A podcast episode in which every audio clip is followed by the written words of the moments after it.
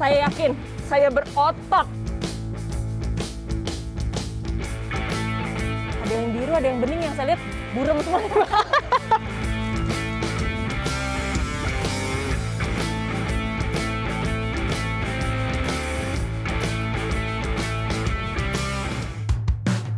Setiap harinya, semua orang pasti memproduksi sampah baik organik maupun anorganik. Data Kementerian Lingkungan Hidup menyebut sebanyak 175 ribu ton sampah dihasilkan per hari. Apabila diakumulasikan, bisa menyentuh angka 64 hingga 65 juta ton sampah dalam setahun di Indonesia. Dan sangat disayangkan jika sampah yang sedemikian banyaknya dibuang dan dibiarkan menumpuk begitu saja di tempat pembuangan akhir alias TPA. Padahal sampah bisa disulap menjadi sesuatu yang berharga dan bermanfaat. Selamat datang di segmen Sehari Menjadi. Kali ini saya ingin menjadi seorang pengolah sampah milenial. Ngomong-ngomong soal sampah pasti identik sama yang namanya buang sampah. Nih, saya harus membuang sampah-sampah yang ada di perumahan ini. Masukkan ke dalam truk pengangkut. Nah, nantinya akan dibawa ke rumah pemulihan. Tugas pertama saya adalah mengumpulkan sampah rumah tangga dari rumah ke rumah. Terkesan sederhana ya, tapi ternyata tidak semudah kelihatannya. Dibutuhkan fokus agar tak ada tempat sampah yang terlewat, tenaga yang ekstra, serta cara mengangkat yang benar. Karena harus mengangkut bobot sampah yang tidak menentu, kisaran 3 sampai 10 kg. Ya ampun, ya ampun. Mikir nih gimana cara ngangkatnya.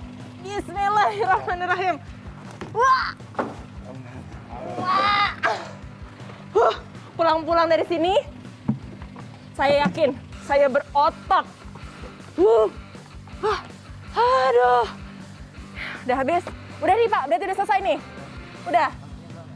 Hah, belum? Emang masih ada berapa rumah lagi? Ya 600 rumah. 600. 600 kita baru berapa rumah tadi Pak? Iya baru sebagian sih 15 rumah. 15 rumah. Saya udah begini. Ya ampun. Ayo semangat Pak, kita jalan lagi berarti ya depan. Come on. Eh ke bawah. Let's go. Mayoritas sampah yang saya angkut merupakan sampah yang masih tercampur dalam satu kantong plastik, baik sampah organik, anorganik, sampah kering maupun basah. Sampah yang masih tercampur akan memperpanjang durasi pemilahan dan pemulihan. Makanya, kalau kita mampu memilah sampah minimal di rumah, akan sangat membantu mempercepat proses pengolahannya. Proses pengangkutan sampah sudah dimulai sejak pagi hingga sore. Namun, apabila truk angkut sampah sudah penuh, maka sampah-sampah tersebut akan langsung dibawa ke rumah pemulihan material atau RPM untuk diproses lebih lanjut. Setiap hari setidaknya ada 30 hingga 40 ton sampah mampu terangkut dan diolah. Sampah ini jadi masalah di Indonesia karena belum diangkut 100%. Masih ada pihak-pihak dan masyarakat yang belum mendapatkan jasa pengangkutan sampah sampah DKI Jakarta itu sekitar 7.000 sampai 8.000 ton per hari. Ya, 7.000 sampai 8.000 ton per hari. Per dua hari, sampah rekan-rekan warga DKI Jakarta mampu membangun sebesar satu Candi Borobudur dari sampah. Setibanya di RPM, sampah yang sudah terkumpul dari residen maupun mitra akan dipilih menjadi dua bagian terlebih dahulu, yakni organik dan anorganik. Sampah yang termasuk kategori organik kemudian akan dibagi lagi menjadi dua kategori, yaitu sampah dapur dan sampah taman. Mengusung visi zero waste, seluruh sampah yang masuk ke RPM akan diolah secara maksimal dan mendetail agar bisa habis atau menjadi sesuatu yang lebih bermanfaat. Sampah dapur misalnya akan diolah menjadi bubur pakan untuk ternak lalat. Wih, Nah, di bawah ini sudah ada bubur. Tapi kalau biasanya kita makan bubur buat sarapan, ini buburnya kali ini bukan buat kita ya, Kang? Bukan. Buat siapa, Kang? Kasih tahu, Nah, Kang. Ini bubur ini buat magot nih. Buat magot ulat Iya. kecil-kecil itu ya, Kang? Iya. Nah, terus ini diisi sampai kapan nih saya ngisi? Isi nyampe penuh lalu dituangin ke box. Oke. Proses ternak lalat tergolong singkat.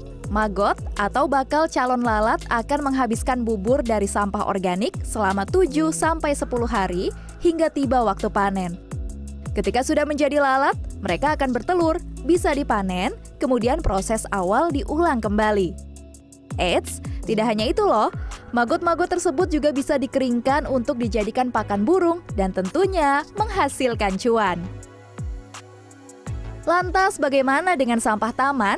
Tentu tak hanya akan dibiarkan menumpuk begitu saja di open window area, melainkan juga dimanfaatkan kembali dengan mengolahnya menjadi pupuk kompos. Tidak main-main, ratusan bungkus karung berisi kompos seberat 20-35 kg bisa diproduksi setiap harinya di sini. Setelah difermentasi selama tiga bulan, akhirnya kompos siap untuk dipanen. Tapi siap dipanen bukan berarti siap untuk didistribusikan, melainkan harus dimasukkan terlebih dahulu nih ke dalam mesin ayakan ini hingga nantinya besaran dari kompos ini bisa seragam. Setelahnya ada proses selanjutnya yaitu packing atau pengepakan. Dari pengolahan sampah organik, mari bergeser melihat proses pemilahan sampah anorganik. Ternyata kompleks sekali ya. Sampah anorganik saja terbagi dalam 12 kategori berbeda, mulai dari kertas, plastik, logam, botol, dan ragam bentuk kemasan lainnya yang nampak serupa tapi tak sama. Waduh, hahaha. Ya, maaf, ya, gimana salah, Mak. Salah. Apa nih yang salah nih Mas nih? Oke. Ini memang terlihat semua plastik, tapi tidak bisa sama. Jadi styrofoam itu Gitu. bukan plastik. Beda dia. Kita Beda. akan memasukkannya ke residu other. Resu, residu Others, others. ya. Oke. Jadi di sini tuh isinya hanya plastik. plastik-plastik biasa. Oke. Betul. Nah, alasannya apa sih Mas? Jangan sampai kita salah masukin ke kantong-kantong yang udah disiapkan nih Mas. Nantinya nggak bisa di untuk di recycle. Berbeda jenis sampah maka harus dipilah dan dimasukkan ke dalam kantong yang berbeda pula sesuai dengan jenis sampahnya. Kalau dilihat-lihat, Mas dan Mbaknya kerjanya cepet banget ya. Saya mah pelan-pelan dulu supaya tidak salah lagi. Hihihi. Keseruan saya memilah sampah masih berlanjut. Karena ternyata masih harus menyortir sampah-sampah yang sudah dikelompokkan tadi lebih jauh. Jangan sedih, habis dipilah di sana, ada lagi pemilahan selanjutnya nih. Ternyata botol-botol plastik ini harus dipilah lagi, diperhatikan dengan detail. Kayak gimana ya? Yuk kita belajar dulu. Mbak, saya udah bawain lagi nih botol-botolnya. Aku izin gabung bantuin pilah-pilah ya Mbak ya. Nah ini gimana nih Mbak cara milahnya nih Mbak? Jadi pilah, ini kan ada yang biru sama yang bening, ini dipisah. Terus kayak gini nanti dipisah lagi. Ada yang biru, ada yang bening yang saya lihat buram semua nih Mbak. Ini yang biru. Lihatnya dari gini, mana nih? Dari belakangnya kan kelihatan biru. Oke, nah kalau ini? Ini bening. Oh ini bening, oke. Nah kalau masih ada isinya, Harus dibuang dulu. dibuang ya, jangan diminum. Botol plastik sebelumnya harus dipisah dari tutup dan stikernya. Sebab botol yang terpasang stiker artinya sudah terkontaminasi dan akan jauh lebih sulit untuk diolah. Sementara itu, tutup botol akan dikumpulkan sesuai warna. Botol-botol plastik yang tadi sudah dipilah dimasukkan ke dalam karung.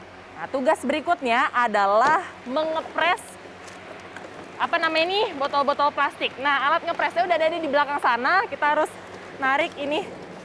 Berat banget. ini berapa kilo ya, Mas? Ini 7 sampai 9 kilo. 7 sampai 9 kilo. Tapi biasanya sampai berapa belas kilo nih, Mas? Sampai bisa ada yang 15 kilo juga. Ada 15 kilo biasanya. Tak hanya botol plastik, tapi seluruh sampah yang telah dipilah akan dipres. Proses pengepresan sampah membutuhkan waktu selama 2 menit. Oke, sudah sampai? Aman. Nah, ribuan ton sampah yang sudah dipres kemudian disimpan di gudang penyimpanan ini. Tapi tugas saya belum selesai karena selanjutnya sampah-sampah ini akan dikirimkan kepada mitra untuk diolah menjadi sampah yang jauh lebih bernilai. Pengolahan sampah menjadi benda yang lebih bernilai membutuhkan proses yang panjang. Sampah kertas misalnya, setelah dipres dan dijadikan gulungan, tak bisa serta-merta langsung digunakan, melainkan melalui rangkaian tahapan terlebih dahulu sebelum bisa diolah menjadi kardus. kita dapat bukan cuma hanya meningkatkan tingkat daur ulang sampah kertas di Indonesia, tetapi juga meningkatkan tingkat kesadaran dan edukasi para masyarakat dan konsumen. Kertas roll dari sampah daur ulang sudah ada di hadapan saya. Sekarang sudah siap untuk diproses ke mesin yang bernama corrugator. Bentuknya sama dengan yang ada di belakang, tapi sekarang saya harus dorong dulu nih ke depan nih ya. Sebenarnya beratnya itu adalah 1,6 ton. Tapi lihat deh, saya pakai jari aja bisa. Lah, lah, bisa saya dorong. Karena sebenarnya terbantu sama mesinnya ada di bawah sini. Lembaran kardus ini memaksimalkan sampah kertas yang didaur ulang dengan turut memanfaatkan kecanggihan teknologi. Mesin-mesin ini terus beroperasi selama 24 jam. Setiap menitnya, mesin-mesin mampu mencetak sebanyak 200 sampai 400 lembar tergantung ukuran, tebal, dan pesanan pelanggan. Kardus setengah jadi kemudian dipotong, dicetak logo, diikat, dan ditumpuk. Per bulannya sebanyak 7.000 sampai 15.000 ton kardus dalam bentuk jadi dapat diproduksi dan didistribusikan. Penanganan limbah pasca konsumsi bukan merupakan tugas satu atau dua orang saja, melainkan tugas kita bersama. Langkah sekecil membuang sampah pada tempatnya dan konsisten memilahnya akan sangat membantu dan berdampak besar bagi keberlanjutan industri daur ulang serta menjaga lingkungan. Clarissa Aradia, Maria Oktoba, Bekasi, Jawa Barat.